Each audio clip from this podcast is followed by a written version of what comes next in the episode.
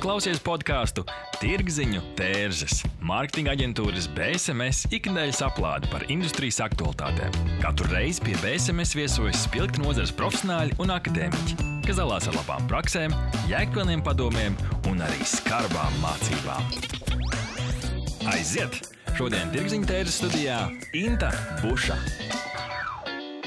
Un ar mani šeit studijā uz vietas ir Denis Ševaļovs, kurš ir mūsu podkāstā Tirziņtēras pirmās sezonas arī producents. Čau!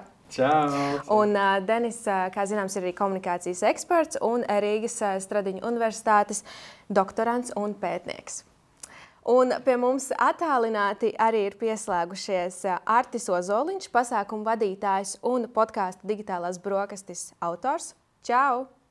Čau, prieks atgriezties tirgziņa tērzēs. Apsveicu, apsveicu jūs ar regulārām vairāk kā 50 epizodēm. Liels darbs ir padarīts. Patiešām apsveicu, sveicieni! Uh, jā, jā, liels paldies. Un arī ir pie mums eh, Ksenija Koļešņikova, kura ir podkāstu producente un Delfi podkāstu sadaļas vadītāja. Čau, Sanī! Sveiki! Jā, Arti, ja tev pilnīgi taisnība. Mums ir apritējis tieši gads, kopš mēs katru otrdienu izlaižam uh, tirziņa tērzes uh, epizodi. Un mēs esam diezgan, es teiktu, pieredzes bagāti. Mēs esam satikuši ļoti daudz viesus, aprunājuši ļoti daudz dažādas tēmas. Kāds tev, Denis, ir uh, kāda iespēja par šo visu? Man ir liels prieks, ka tiešām sanāca laikam panākt to vienu no mērķiem veidot tādu marketinga kopienu, un eh, pēc datiem eh, var redzēt, ka ir regulāri klausītāji, kuri atgriežas. Eh, par šo aplādi podkāstu runā arī industrija. Bija prieks arī saņemt no klausītājiem tēmas, un zinu, ka tas jau iet tālāk tautas, un tas aptaujas, kas, kas darīts kopā ar Norstātu, viņi arī tiek izmantots uh, kaut kādas prezentācijas, cilvēki jau izmanto kā referents. Es domāju, šis mērķis ir panākts un to vajag tikai turpināt. Mm. Jā, tā kā es arī pasniedzu lekcijas Rīgas Stradiņu universitātē, tad es arī no studentiem ļoti daudz saņēmu atpakaļ to feedback, ka mm. mēs noklausījāmies to epizodi un mēs ieguvām to un to. Un, jo tie ir patiešām profesionāļi, tie ir cilvēki, kas zina, par ko runā, un viņi izstāsta tiešām to praktisko pieredzi, ne tikai, protams, ko lektori arī iedod šo akadēmisko, un tad saliekot kopā, ir tiešām ļoti labas zināšanas, kuras var tiešām arī tālāk praksē izmantot. Mm. Um, Arti, tu pie mums biji pašā pirmajā epizodē. Ja mēs tagad paskatāmies, tāds gads ir pagājis, kādas ir tavas sajūtas? Es teiktu, ka man, arī man kā komunikācijas profesionālim šis podkāsts ir bijis ļoti vērtīgs. Es atzīšos, ka es neesmu noklausījies pilnīgi visas epizodes, taču es esmu pieslēdzies tajā brīdī, kad ir bijusi tēma, kas ir aktuāla man. Un patiesībā varbūt šī atbilde arī iezīmē kaut kādas cilvēku uh, nu, tendences, kā viņi patērē podkāstus. Jo es, es izgāju cauri, es paskatījos, kur es biju pats atzīmējis sev kā, kā sēriju, kas man ļoti iekrita apņā. Ja mēs tinam atpakaļ, tad tepat nesen pārmaiņas mārketingā. Lielisko Aniju spēku. Um, tur es pieslēdzos ne tikai tāpēc, ka interesē tēma, bet arī tāpēc, ka es pazīstu Aniju. Līdz ar to varbūt kaut kāds references punkts. Mm, tad kādu laiku atpakaļ man aci piesaistīja valsts komunikācija Covid-19 laikā ļoti labi. Forša saruna. Patiešām uh, prominenti arī, arī viesi, arī no Rīgas universitātes, uh, Andru Oškā un arī Liena, Liena Kupča. Un, uh, šī sērija man savukārt piesaistīja, jo bija arī personīgais stāsts par, ko, par to, ka es pats arī pētīju šo tēmu savā maģistra darbā. Un tad kādu laiku atpakaļ man ļoti arī patika jūsu pieeja, ka jūs taisījāt arī minisērijas par, par tēmām. Un tur man bija tāds vesels sēriju kopums, laikam kādas 20. tajā sēriju diapazonā bija vairākas sērijas pēc kārtas, kur bija digitālais mārketings, kur bija uh, PR stratēģijas, sociālo mediju stratēģijas. Un man kā profesionālim šīs tēmas ir uzrunājušas, bija kaut kāda iespēja atkal dabūt to praktisko industrijas, uh, industrijas tās zināšanas, kuras citkārt ne lekcijās, ne varbūt pat ikdienas darbā nesanāk iegūt. Tā kā liels paldies arī no manas puses. Ļoti veiksmīgs podkāsts. Es ļoti ceru, ka jūs nepadosieties un turpināsiet rakt un vilksiet ārā to praktisko. Liels prieks dzirdēt. Un patiesībā tas, ko tu saki, kopā mēs ar Norstat draugiem arī redzam līdzīgu statistiku, kā cilvēki izvēlas patērēt podkāstus, un pie tā mēs nedaudz atgriezīsimies vēlāk. Bet Ksenija varbūt pastāst no savas puses. Mēs esam ar podkāstu Tirziņu tērzes arī Delfi podkāstu sadaļā. Un visiem klausītājiem, kas nezina, tad Delfi veido tādu podkāstu kultūru un lauž šos stereotipus un palīdz attīstīties podkāstiem. Varbūt vari nedaudz arī ieskicēt, kādi ir šie mērķi Delfa podkāsts un kas vispār pašreiz jums ir aktuāls? Nu, mums šobrīd tā podkāstu, teiksim, mēs viņu saucam par podkāstu kratuvi. Mēs tagad domājam, kā viņu padarīt ērtāku un populārāku starp klausītājiem, starp mūsu lietotājiem, tāpēc, ka, manuprāt, podkāsti kā tādi aplādes, viņas ir ļoti lielā mērā par ērtumu, jo tas ir raidījums, ko tu vari paņemt līdzi jebkur. Tu vari paņemt viņu līdzi uz trenež, trenažieru zāli, uz pastaigu, jebkur. Un līdz ar to man šķiet, ka tieši mūsu mērķis šobrīd ir varbūt saturiski. Mēs esam savākuši tiešām ļoti labu kompāniju ar podkāstiem, un tagad mēs skatīsimies, kā var to visu padarīt vēl foršāku un pieejamāku. Un uh, viena no, teiksim, viens no virzieniem, kurā mēs šobrīd strādājam, ir ne tikai podkāsti, bet mēs arī ievesam uh, strādājam pie projekta, kur eh, mūsu ziņas ielasa robots, un ideja ir tāda pati cilvēks jebkurā brīdī, braucot mašīnā vai pastaigājoties, viņš var eh, ieslēgt un noklausīties eh, Delfi ziņas, nevis lasīt. Un zinot, ka es pati esmu vienkārši cilvēks, kurš labāk uztver informāciju audiāli, man eh, šis rīks eh, ir super noderīgs, jo īpaši darba dienas vakaros, kad man acis ir nogurušas. Bet pa lielam, jā, es pievienojos pilnvērtīgi podkāstu saimai tikai rudenī, oktobrī, un līdz šim eh, es biju Covid redaktore. Tāpēc man ļoti uzrunāja jūsu epizode par valsts komunikāciju Covid laikā. Un arī ir ļoti liels prieks redzēt, kā cilvēki runā ne tikai žurnālistu starpā ir sarunas par to, kā valsts komunicē, bet arī runā cilvēki no industrijas. Un tādā ziņā man, tā, teiksim, man šī visa joma ir jauna, un šobrīd es, mans galvenais uzdevums ir izdomāt, kur iet, kā iet un kā būtu kā, pareizi, bet es uzskatu, ka audio nākotnē būs joprojām ļoti svarīgs veids, kā cilvēki uzzina kaut ko jaunu. Nu, Sanī, varbūt mēs tev palīdzēsim atbildēt uz to jautājumu, kur iet ar podkāstiem, un uh, varbūt pat kaut ko atrisināsim šajā sarunā. Bet uh, es gribu arī izmantot šo brīdi, lai pateiktu lielu paldies mūsu draugiem Norstat uh, Latvija. Un, uh, tiešām mēs katru epizodi papildinājām ar datiem, lai šīs sarunas būtu ne tikai ar ekspertu viedokļiem, un tieši tā, ka Sanīkā tu norādīji, arī ne tikai privātā sektora pārstāvjiem, bet arī no publiskā sektora, no nevalstiskajām organizācijām vai biedrībām. Uh, arī freelanceri un cilvēki, kas vienkārši paši strādā par sevi, ne tikai uh, reprezentē kādus uzņēmumus, tad mums bija ļoti, ļoti dažādi spektri cilvēki pie mums. Un, uh, tostarp arī akadēmiķi un studenti un cilvēki, kas ir ambiciozi un kas attīstās šajās nozarēs. Tā kā, tiešām ļoti daudzveidīgs un plašs cilvēku lokus.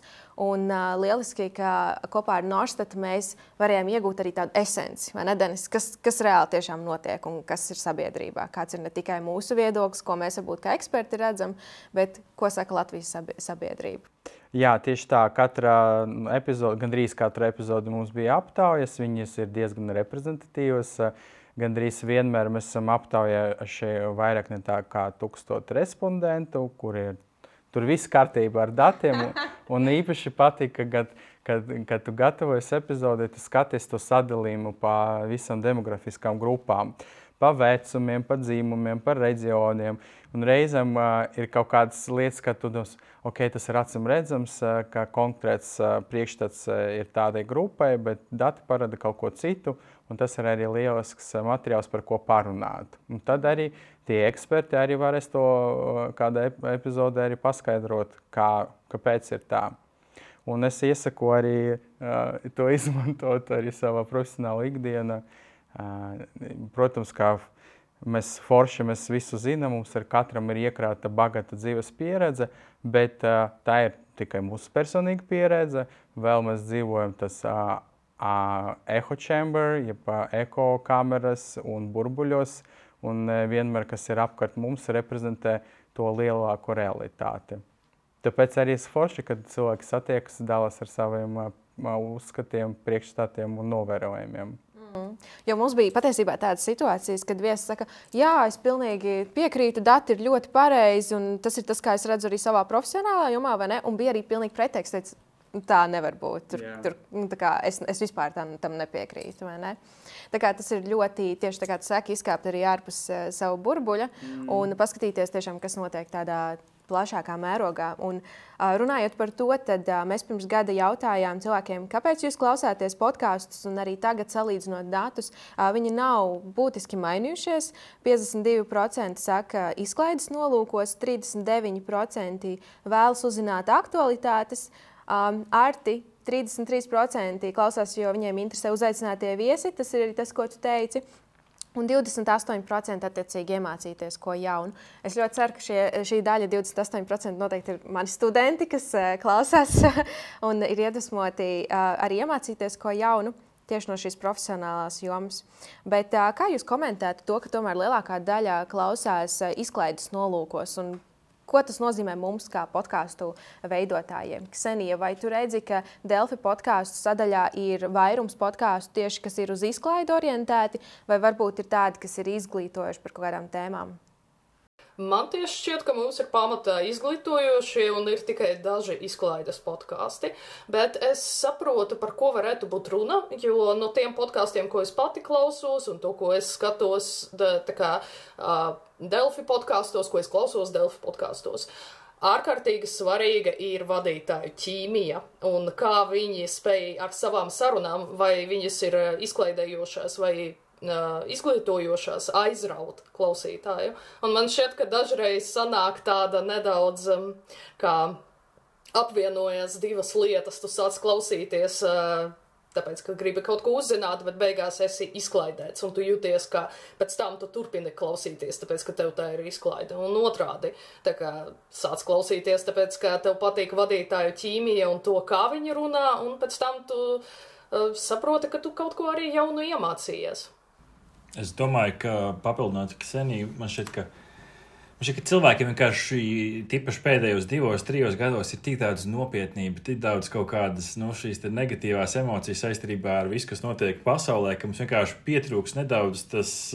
Mums, mums, gribā, mums patīk pasmieties, mums patīk, ka mēs varam, varam uzzināt kaut ko jaunu. Līdz ar to man šķiet, ka tas, tas pozitīvisms arī ir, kas, kas diezgan ietekmē. Un es paskatījos, ko es pats ikdienā, ikdienā klausos no podkāstiem. Labi, daļa man ir Daļa man tur ir saistībā tieši ar, ar digitālajiem brokastīm, ar tehnoloģijām, kuras vienkārši censo, cenšos paplašināt savu redzesloku, bet, bet ir kaut kāda daļa podkāstu, kuras izvēlējies turpināt klausīties, jo ir šī te šī vadītāja ķīmija ir šis kaut kāds, nu, kaut vai, kaut vai mazais humors. Šim raidījumam vai podkāstam jau nav jābūt humora šovam. Viņi var runāt par nopietnām lietām, bet, ja ir šī sinerģija, ir kaut vai šis te, nu, nezinu, uh, humors starp rindām, ko tu saproti tikai, ja tu interesējies par konkrētajām lietām, tas ir tāda mazā tā odziņa, kas, kas, kas liek atgriezties. Personības palielam. Bet īstenībā papildinot tevi, man liekas, ļoti svarīgi ir dabiskums. Jo man šeit tajā brīdī, kad ir ļoti mākslīgi veidota diskusija, nezinu, Denis, varbūt man piekritīs vai oponēs, bet mums ir bijušas tādas situācijas, kad saruna vienkārši ir ļoti dabiska. Un mēs, wow, laiks mums jābeidz, bet ir pilnīgi liekas, ka vēl divas, trīs podkāstu epizodes varētu par tēmu ierakstīt, jo viņi vienkārši reizes ļoti dabiski. Un ir tādas epizodes, kur uh, tev, tev ļoti jāpiedomā, kā viņu moderēt un tā tālāk. Tā kā, Tas ir ļoti arī par ne tikai starp vadītājiem, kādas ir šī, šī ķīmija, vai nērti, ko tu saki, bet arī uh, kāda ir ķīmija starp viesiem un viesiem un vadītājiem. Es varbūt varētu uzdot jautājumu jums, ja mēs taisām šeit, šeit sarunu arī no savas pieredzes. Jums, jums ir tā pieredze bijusi daudz bagātāka. Jums ir bijuši viesi gan klātienē, viesi attālināti. Man šķiet, ka šis arī varētu tikt attiecināts uz podkāstu kultūru. Jo tajā brīdī, vismaz, kad manā pieredzē digitālais brokastīs ir bijis vairāk par vienu cilvēku, ar ko mēs sarunājamies, man ir tāda nu, personīga sajūta, ka, ja ieraksta podkāstu attālināti un tur neredz tos cilvēkus klātienē, Tur tomēr sanāk nedaudz vairāk tāds kā futbols. Nu, Mēģinot tos jautājumus piespēlēt turp šurpu, un nedaudz pazūd tomēr tā, tā tas klātienes, tā maģija, ka tu vari ieskatīties otram cilvēkam acīs, tu jau uzreiz saproti, ka viņam ir ko teikt. Kāda ir tā jūsu pieredze, attālinātais versus klātienes, un varbūt attiecinot tieši par podkāstiem? Jā, tā neverbāla komunikācija ir ļoti svarīga, un, protams, kā kā jebkura cita saruna, eh, tas tiešais eh, kontakts ir vislabākais. Kā to arī Arti eh, atzīmēja, tu uzreiz vari saprast, vai cilvēks to ir visu izteicis, ko viņš gribēja. Tad arī tu mācies to temp, tempo ritmu, tu saproti, kad vai tas cilvēks tas apstājas, tad tu vari, pārtra, nu, var, tu vari viņu pārtraukt vai nē. Uh, Un ar zūmiem un pastarpinātu komunikāciju, protams, tas ir sarežģīti, vairāk reglamentēti, un tas ir ļoti atkarīgs no pašiem viesiem. Protams, ka aicinot uh, producēt uh, kaut kādu kārtēju epizodi, ir, uh, tas ir tiek apsverts, vai cilvēks ir runātais pats par sevi. Uh, Ja viņš nav, tad, protams, tāda ekspertīze ir vajadzīga. Tad viesis saņem apmēram temātus, jautājumus pirms, lai viņi varētu sagatavot, bet tas neko negarantē. Bija, bija reizes, kad cilvēki vienkārši bija tik pārņemti ar satraukumu, ka nevarēja atbildēt. Kaut pirms ieraksta un pēc viņa runāja kā, kā oratori. Tas gadās. Uh, Un, tas arī atkarīgs pašam, ja cilvēks ir kā mēs, biroja darbinieki, kuri strādā ar zumiem, MSTiem katru dienu, tad mēs jau piešaujamies, un citi nē. Bet vienmēr labāk sarunās ir šeit, klātienes studijā, jo mums vispār kā, kā vadītājiem ir interesantāk, jo mēs zinām vairāk nekā klausītājs. Mums ir sarunas pirms un pēc. Tā, tad ar laiku tas attīstīsies Bet es arī vēroju kaut kādus starptautiskus uh, podkāstus, un tur arī var redzēt, kā kvalitāte daudz labāka, kad viesi ir uh, ienākuši. Es ceru, ka tas mainīsies, bet reizēm, protams, uh, varbūt ar ātrāku internetu, ar labākām kamerām, mēs varēsim pietuvināties klātbūtnes efektam.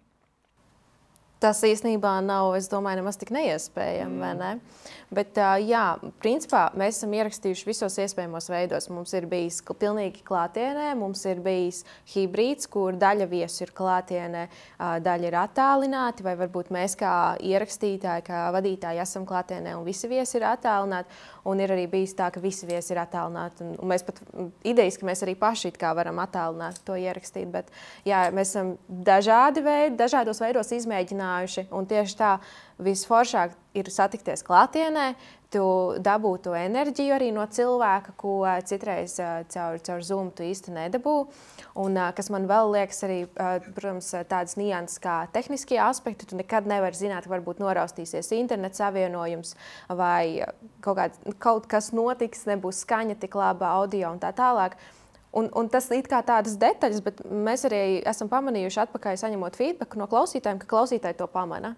Viņi jūt, ka te, te kaut kas nav ar skaņu. Mēs pat uh, citreiz arī jau ierakstot, sakām, hei, uh, klausītāji, mēs esam tādā hibrīda modelī. Bet, nu, diemžēl, tādi ir apstākļi, un mēs ne, nevaram to ietekmēt. Mūsu uzdevums ir dabūt visiespējami labāko produktu mūsu klausītājiem, kāds tas ir konkrētajā situācijā iespējams. Es gribētu arī piebilst, Protams, to var darīt attālināti, un īpaši, ja tu esi jau iepriekš iepazīstināts ar runātāju, vai jums ir kaut kādas pirms tam bijušas attiecības, tas daudz atvieglo darbu.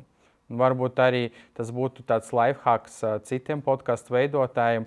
Iespējams, jūs, jūs zināt, ka būs ieraksts pastarpināti, ar, ar attālināti. Tad uh, piezvaniet pirms tam dažas reizes tam cilvēkam, lai saprastu, kāds vaibiņš jums notiek, kā cilvēks vispār veido savu runu, un arī nekautrēties reglamentēt, un, jo šeit reti, kad tas notiek tieši raidē, un varētu pēc tam smuki to visu samontēt. Bet, protams, ka gribas uzreiz laist to. Tā nedaudz iedodot statistiku, tad mēs esam ierakstījuši 52 epizodes katru otrdienu no 2021. gada marta.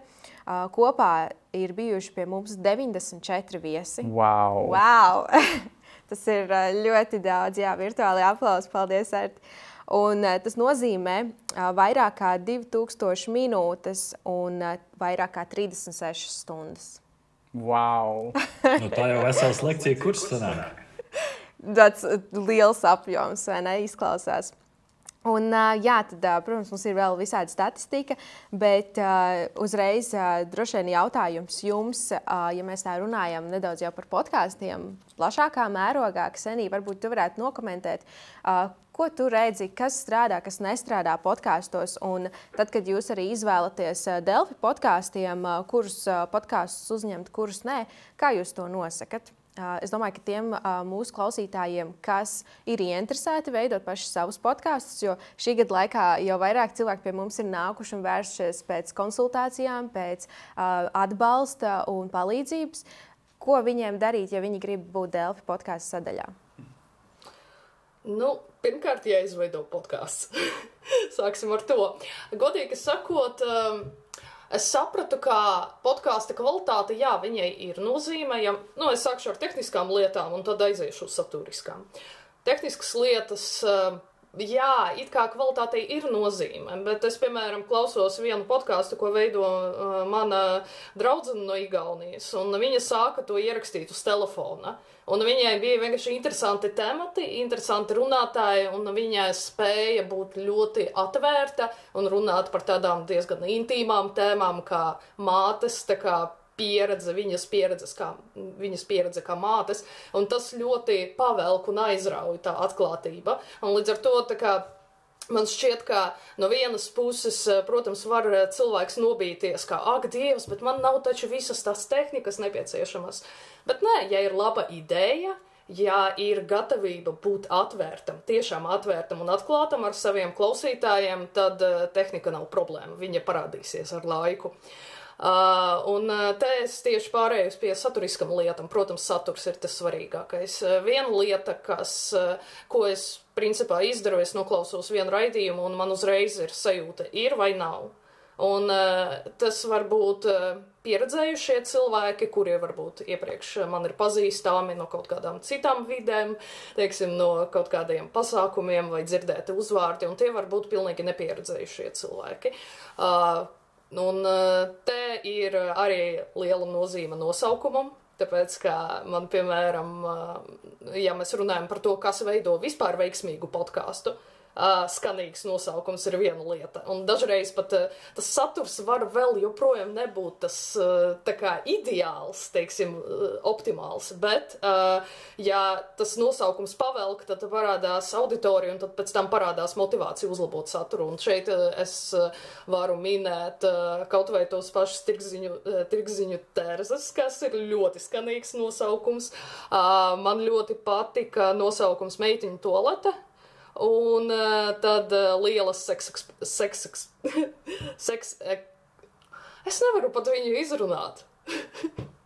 Bet jā, eh, tā kā tik līdz ir skanīgs nosaukums, tad parā, var parādīties auditorija. Un līdz ar to tur ir, man šķiet, ka katrs podkāsts ir ļoti individuāls. Un uh, tas veiksmes formula un veiksmes stāsts arī būs atšķirīgs. Jo man šķiet, ka podkāsti viņi tāpat, ka cilvēki ir ļoti dažādi un viņi at, atbild uh, dažādām vajadzībām un dažādiem, teiksim, cilvēku pieprasījumiem. Tāpēc tā viennozīmīgi pateikt, šīs būs, nu, točna bomba es nekad nevarēšu. Vajag noklausīties, vajag pamēģināt, un tad mēs redzēsim, vai ir labi vai nav.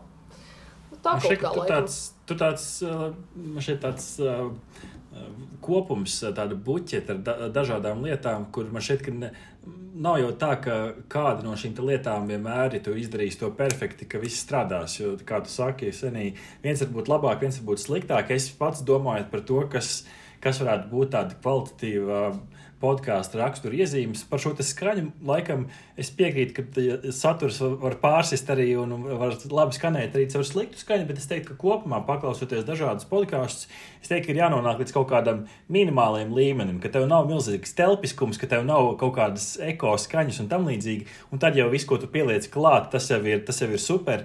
Bet es teiktu, ka tāds minimālais kvalitātes skaņas līmenis ir vajadzīgs. It īpaši, ja, tev, ja tu vienkārši nu, noklausies vienu sēriju, un tad tev, tev nav tā personīgā saikne runātājiem uzreiz, tad tādi mazie aspekti varbūt, varbūt arī labi, uh, labi dažkārt nostrādā.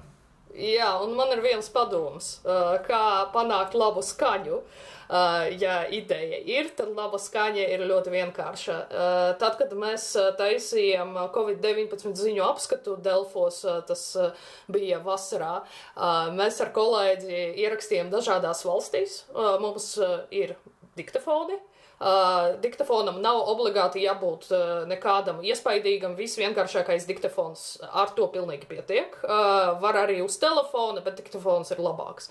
Tad uh, uz diktafona tu uzvelc zeķi, un tad apkārt savam datoram vai tai vietai, kur tu runāsi, uzliec daudz spilvenus un viņi absorbēs kā, visu to telpiskumu, un uh, mēs dabūjam skaņas kvalitāti, nu, ne cik sliktāku nekā Latvijas radio studijās. es arī varu padalīties ar vienu lifehacku, var to pašu izdarīt. Ja jums nav spilveņu, tad var apsēsties drēbju skati, kur ir daudz apģērbu, un tur būs tumšs. Jūs varēsiet koncentrēties uz runas, un skaņa būs tiešām ļoti laba. Galvenais ir nesēdēt, nesēdēt toaletē, lai nav telpiskā skaņa. Jā, un galvenais, lai nekas neuzkrīt jums virsū tajā skapī. Tā ir gadījies. Tādi do-it-yourself uh, ieteikumi arī mūsu klausītājiem.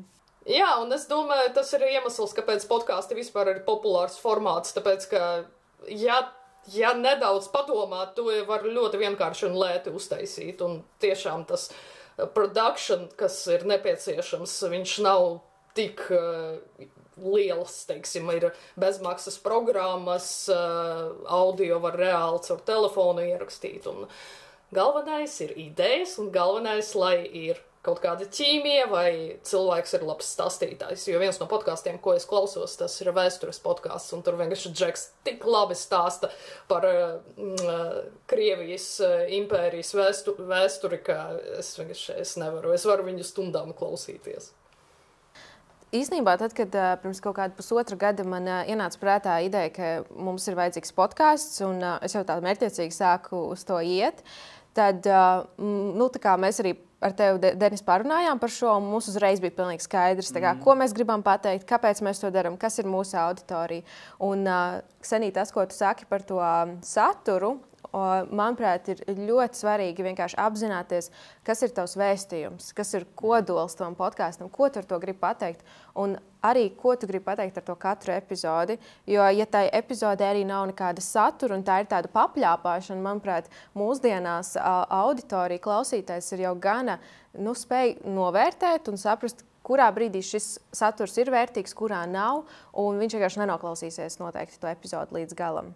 Es daļēji šeit piekritīšu, jo mēs runājam par tādu informatīvām vai infotainmentu izklaidošu informāciju.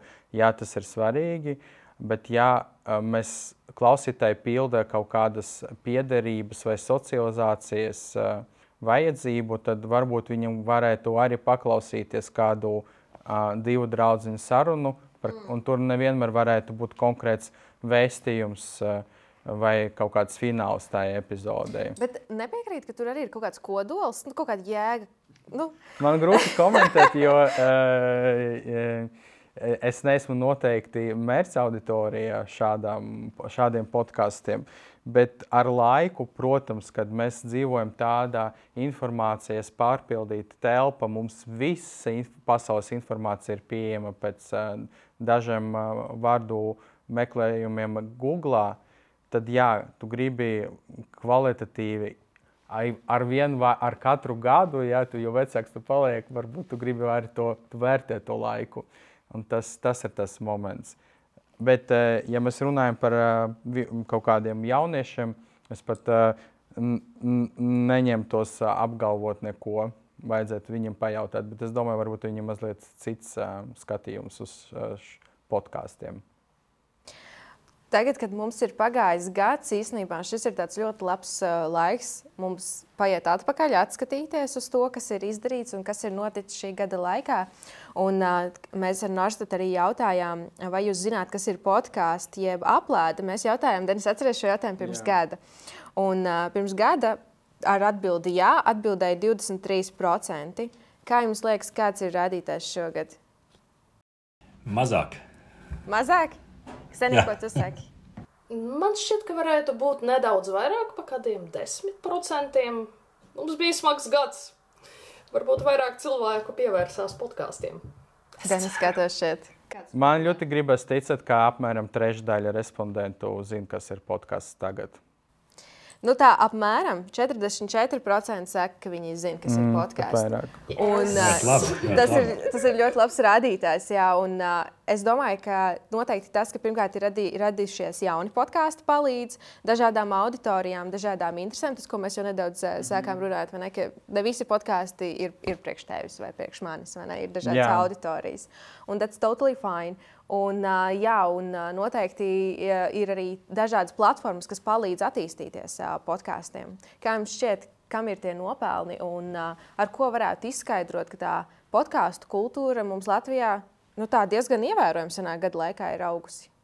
Viens ir platformas, otrs ir personības un dažādi skandāli. Protams, skaļākais ir Joe Rogan. Uh, visi skandāli, kas viņam pēc kārtas ir saistībā ar viņu podkāstiem. Bet uh, tur man šķiet, ka kopumā ir uh, arī mērķiecīga liela platforma virzība. De- Cepurnos Delfiem mēs arī digitālās brokastīs būsim pateicīgi Delfiem, jo kamēr mēs nebijām Latvijas radio viens, tikmēr, tikmēr Delfi bija noteikti mūsu lielākais klausījums. Un es teiktu, ka te arī slēpjas tas platformas spēks. Ja mēs paskatāmies vēl, bez, vēl ko, ko vēl pasaulē var atrast bez, bez tepat Latvijā Delfiem, tad es teiktu, ka Spotify ļoti iet šajā virzienā, un tur arī liels finansiāls ieguldījums. Viņi iegulda ne tikai runātājos un satura meklēšanā, bet arī tehniskajā izpildījumā. Un šeit jau iezīmējās man šeit dažādas tendences, ko varētu iespējams nākotnē iet podkāsti. Es zinu, ka Es zinu, ka Spotify eksperimentē ar, ar, ar video, paralēli video feedu. Līdz ar to man ka podkāsts vairs ne, nu, nākotnē ne, nenozīmēs to, ko mēs sapratām ar podkāstu sākumā. Tas būs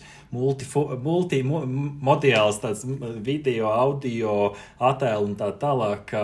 Un, un tas, tas ir viens, kas noteikti virza. Un man šķiet, ka kopumā jau vismaz tāds mans novērojums par lielākām platformām, ka viņas eksperimentē ar dažādiem formātiem. Un šeit, nu, man šeit nebūs tālu jāskatās, kas ir kaut kādi lielākie Spotify konkurenti. Es teiktu, ka tas ir šobrīd YouTube un YouTube Music. Un, uh, ja, ja Google vajadzēs meklēt kaut kādus nākamos attīstības ceļus, tad man šķiet, ka podkāsti varētu būt, varētu būt viens, viens no tiem, jo šobrīd tas patiesībā jau ir.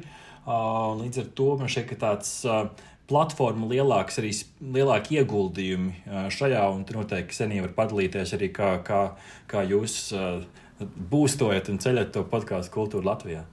Man bija replika vairāk tā kā Latvijas radio tāda virzienā, tāda komplementāra, jo es pamanīju, ka pēdējā gada laikā arī Latvijas radio saka aktīvi komunicēt par saviem podkāstiem. Un, manuprāt, Latvijas radio ir tā vieta, un, uh, kurai vajadzēja iet šajā virzienā. Un es domāju, arī daļēji pateicoties tam, arī vairāk cilvēku uzzināja, jo tomēr šīm zīmolam ir liels spēks. Es arī ceru, ka Delfi pielika savu nelielu kā um, nospiedumu šajā. Un uh, vēl viena lieta, kas man šķiet, ka varēja, kas varēja, teiksim, ietekmēt, ir tieši tā pandēmija, jo Uh, dēļ uh, tā, ka pilnībā mainījās daudzu cilvēku dzīves ritms. Uh, manuprāt, podkāstiem ir uh, tieši vieta šajā mainīgajā pasaulē. Tāpēc, kā agrāk radio un televīzija, viņi bija, teiksim, vairāk tā kā mēģināja uh, pielāgoties uh, tam uh, parastā cilvēka dzīves ritmam, kur viņš deviņi, no 9 līdz 5 ir darbā. Tātad no 8 līdz 9 viņš brauc uz darbu, un no 5 līdz 6 viņš brauc prom no darba. Šobrīd pasaule ir citāda, un mēs strādājam no mājām. un līdz ar to podkāsts šai ziņā viņš tā kā dod to informācijas devu, ko mēs agrāk saņēmām pa ceļam uz darbu vai no darba, bet tāpat laikā uh, tu pats kontrolē, kurā laikā tu saņem šo informāciju. Un līdz ar to es domāju, ka tieši dēļ eh, tam pārmaiņam mūsu dzīves stilos uh, ir notikusi arī šī virzība, kā auditorija saka, interesēties un uzzināt vairāk par podkāstiem. Bet tā ir mana teorija. Principā statistikas norstat mēs redzam, ka Ksenīte ir pilnīgi taisnība. Cilvēki visbiežāk podkāstus tiešām klausās mājās. Un 27% klausās pa ceļam uz no darbu. Tad tā ir otra populārākā atbilde. Nu, lūk, jā, tad tās noteikti arī tie veidi, kur un kā klausās, kā izvēlas, kuru epizodu klausīties, ir ļoti dažādi. Mēs esam arī spekulējuši gada laikā, kāpēc šo epizodu noklausījās un kāpēc šo nenoklausījās tāds ne, klausītāju jā. skaits.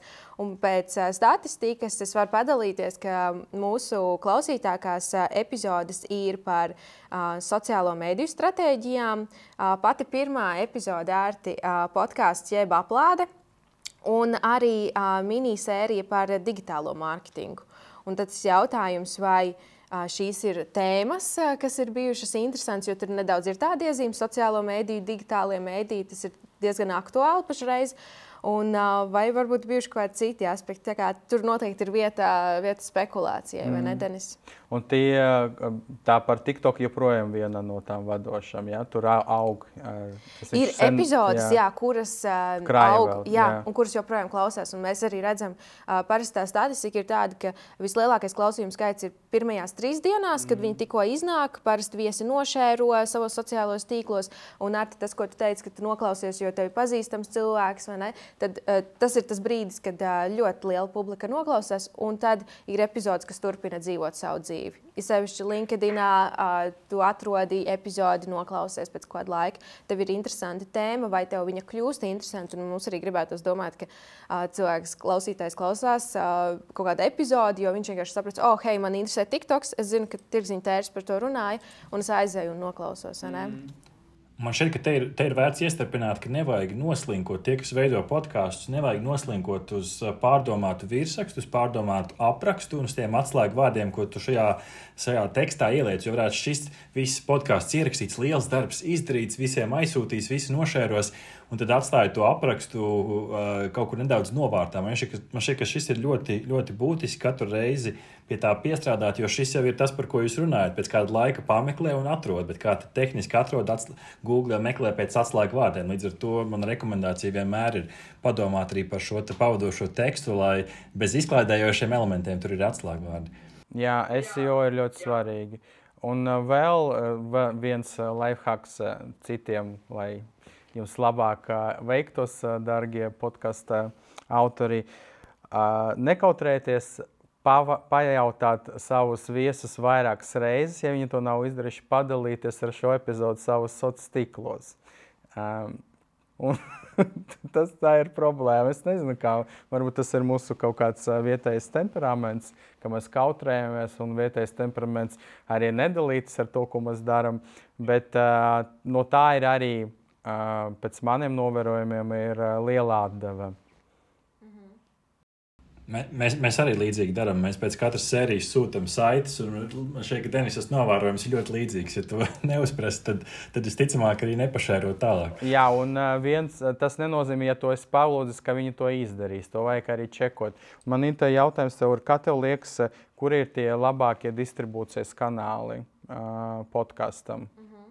Pēc statistikas mēs redzam, ka mūsu visvairāk klausās Spotify. Un, uh, patiesībā mēs arī atceramies, esam eksperimentējuši un domājuši, kā mēs vēl, ko mēs vēl varam tur izdarīt. Jo tur ir dažādas opcijas. Tu vari uh, pievienot arī jautājumus klāt uh, respondentiem un tā tālāk. Tā tās noteikti arī ir iespējas, ko aicinātu pačakot un izmantot. Bet uh, jā, tā kā mēs uh, virzām uh, ļoti, ļoti daudz dažādos uh, šajos kanālos, uh, tad tie noteikti vairāk vai mazāk, protams, Spotify un tad ir Apple podkāsts. Mums ir arī, kā mēs esam Delfi podkāsts, tad arī tur mūs klausās. Bet liela daļa patiesībā klausās no mājaslapas, mm. kas liekas ļoti interesanti, jo tas ir kā, nu, kā tu atver new window vai ne. Tur, Tev viņam jāstāv uz desktopa vai, vai kaut kur, bet uh, cilvēki joprojām klausās. Kā... Tas nozīmē, ka viņi klausās darba laikā. Vai? Jā, tie droši vien ir tie procenti, kas klausās darba laikā, un tad viņi uzliek foniņā un iet. Tā kā ļoti, ļoti dažādi. Bet tā kā mēs esam tāda izteikta, nu, mēs paši mēs, mēs esam B2B sektorā strādājam, tad mēs redzam, ka tieši caur LinkedIn mēs varam sasniegt ļoti daudz šo rīču, un ka cilvēki labprāt nošēro un ielaiko, un tad viņi arī klausās un atrod, ka re, kur ir mans paziņa vai cilvēks, kurš, kurus labprāt klausītos, un tad viņi arī atnāk pie mums uz mājaslapu tālāk un, un noklausās. Tad labāk LinkedIn nekā Facebook. Piemēram. Jā. Mhm. jā.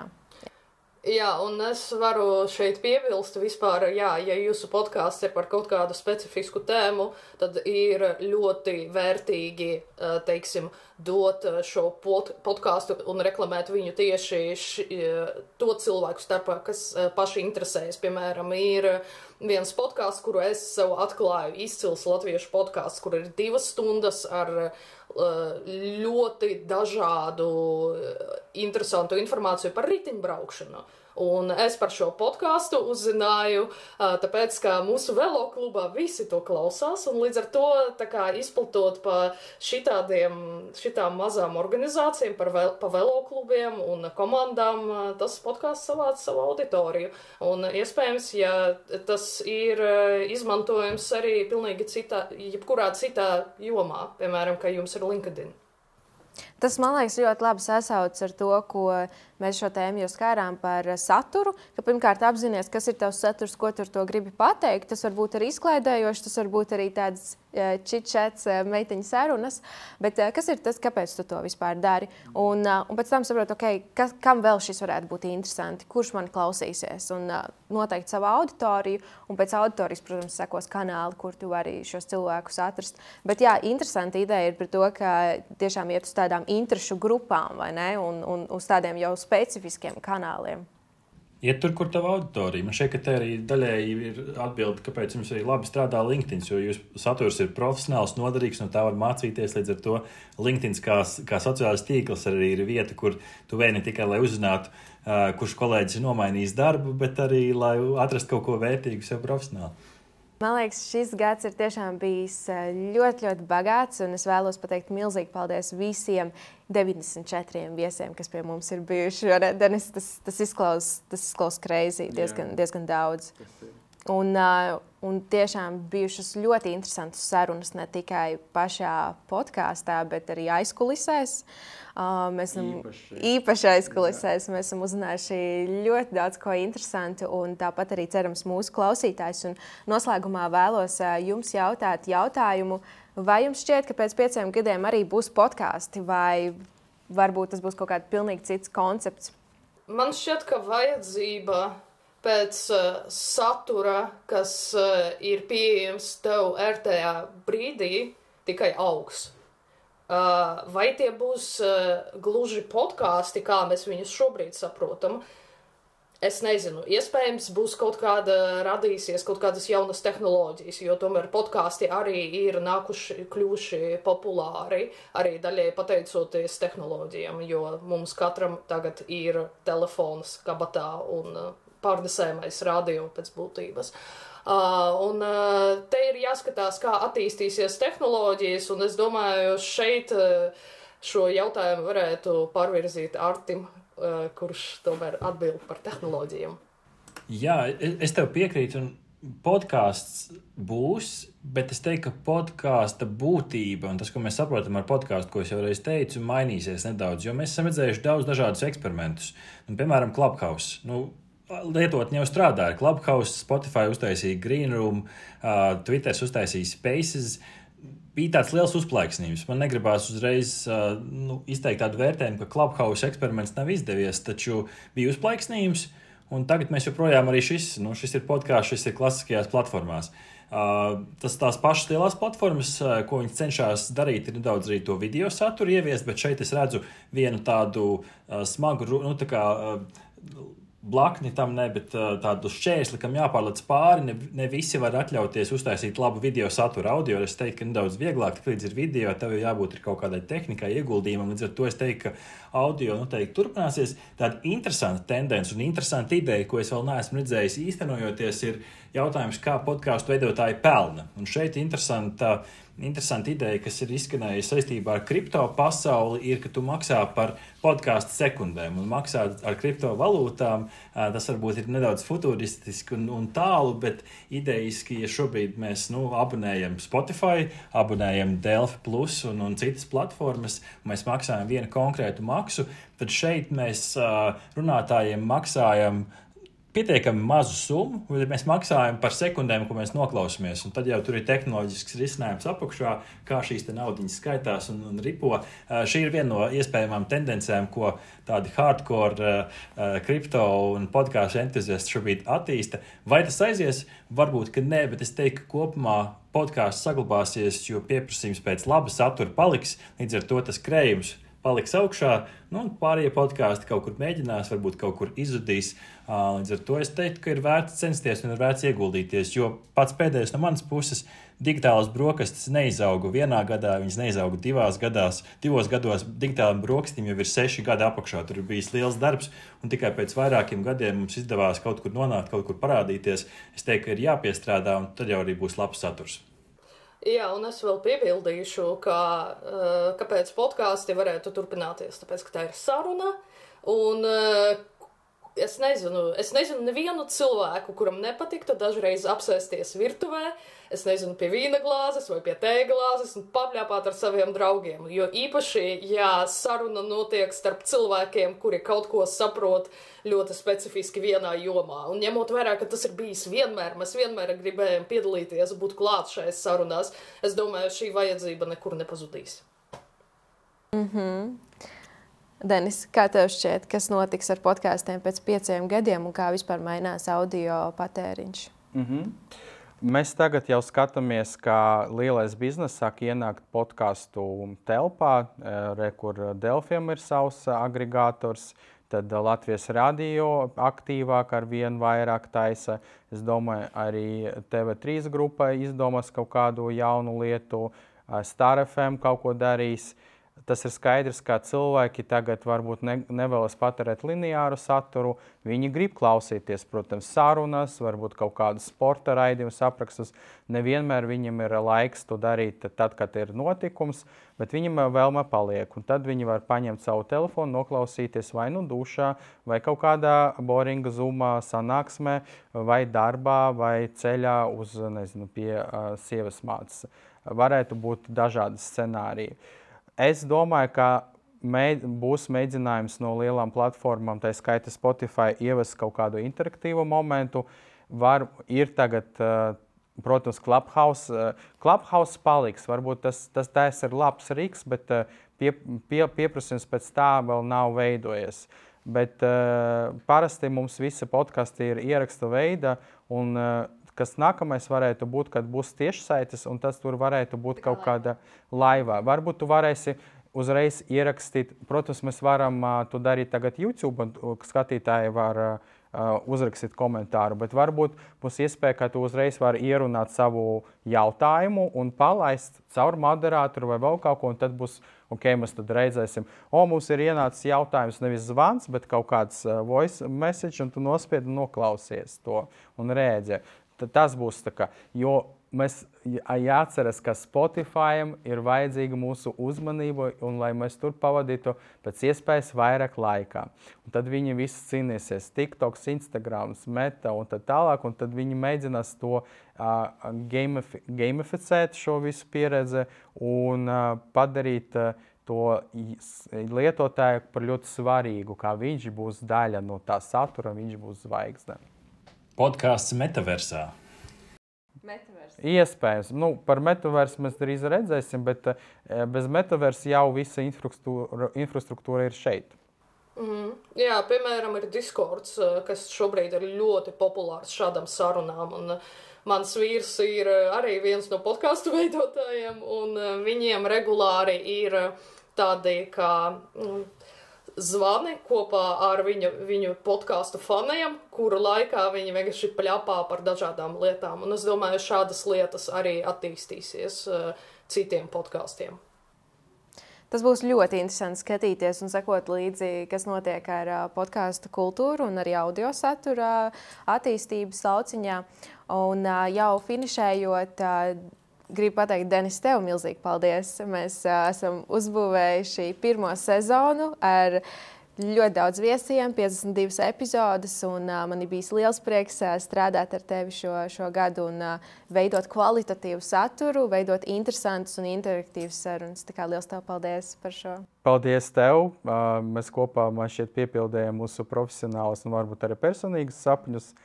Un uh, ļoti labs punkts CV.